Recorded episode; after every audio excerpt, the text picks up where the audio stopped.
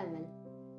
الأمل هو شعور لا ينقطع إلا لو قررت أن تقطعه بيدك وبوعيك التام. فالأمل ليس شعورا لأصحاب الحياة الوردية وأن الأمل لا يعني حياة حلوة لا شبه شائبة. لأن مفيش حياة مثالية كده كاملة من غير ابتلاءات. مفيش حياة كاملة على وتيرة واحدة طول الوقت. مفيش حياة أبيض وأسود لأن الحياة مش أبيض وأسود وبس.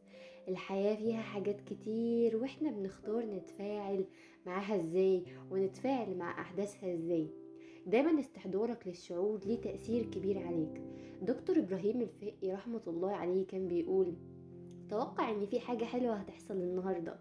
شوف مودك هيبقى متغير إزاي وحلو وأثره على ابتسامتك وعلى تصرفاتك هينعكس إزاي عليك وعلى اللي حواليك. طب لو ما حصلتش حاجة حلوة؟ خلاص يا عم فده كان حسن ظن. توقعنا للشيء قبل حدوثه مش بس من أهم الأسباب اللي بتأثر في شعورنا وفي حالاتنا المزاجية ولكن كمان بيفسد اللحظة الحاضرة.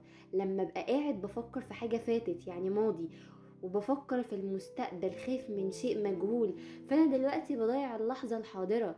ضيعت من إيدي اللحظة اللي أنا حاليا قاعدة دلوقتي فيها اللي من المفترض إن أنا أعيشها. مش هضيعها في التفكير.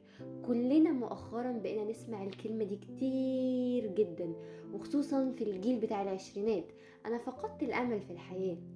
أنا فقدت الأمل في نفسي إني أعيش.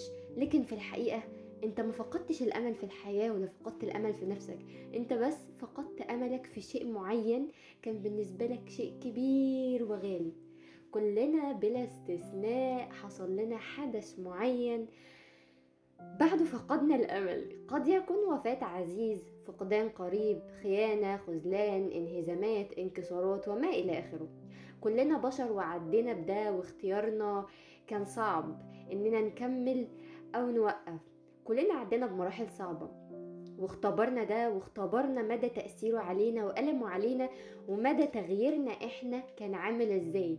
ولكن بعد ده كله كملنا كملنا ويمكن قوينا يمكن فقدنا جزء كبير جدا ومؤلم من روحنا لكن في النهاية إحنا عدينا عشان دايما لازم يبقى فيه أمل عشان وجودنا مربوط بالأمل. التفكير والتخطيط لأحلامنا واستمرارنا مربوط بالأمل.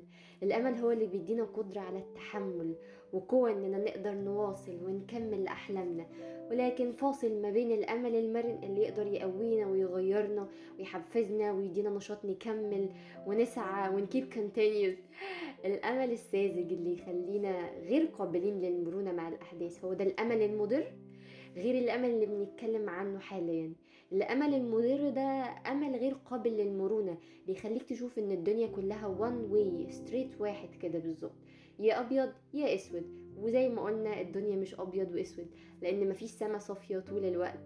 فبيبقى عندنا مرونة في التعامل مع تقلبات السما زي بالظبط تقلبات الحياة. كلنا بنبقى محتاجين دايما حد يقف في ظهرنا كده ويقول لنا كمل أنا معاك كمل لسه في أمل. حد يقول لنا إن إحنا نقدر نوصل لأهدافنا وأحلامنا وإن في أمل نكمل. ونقدر أصلا إن إحنا نكمل.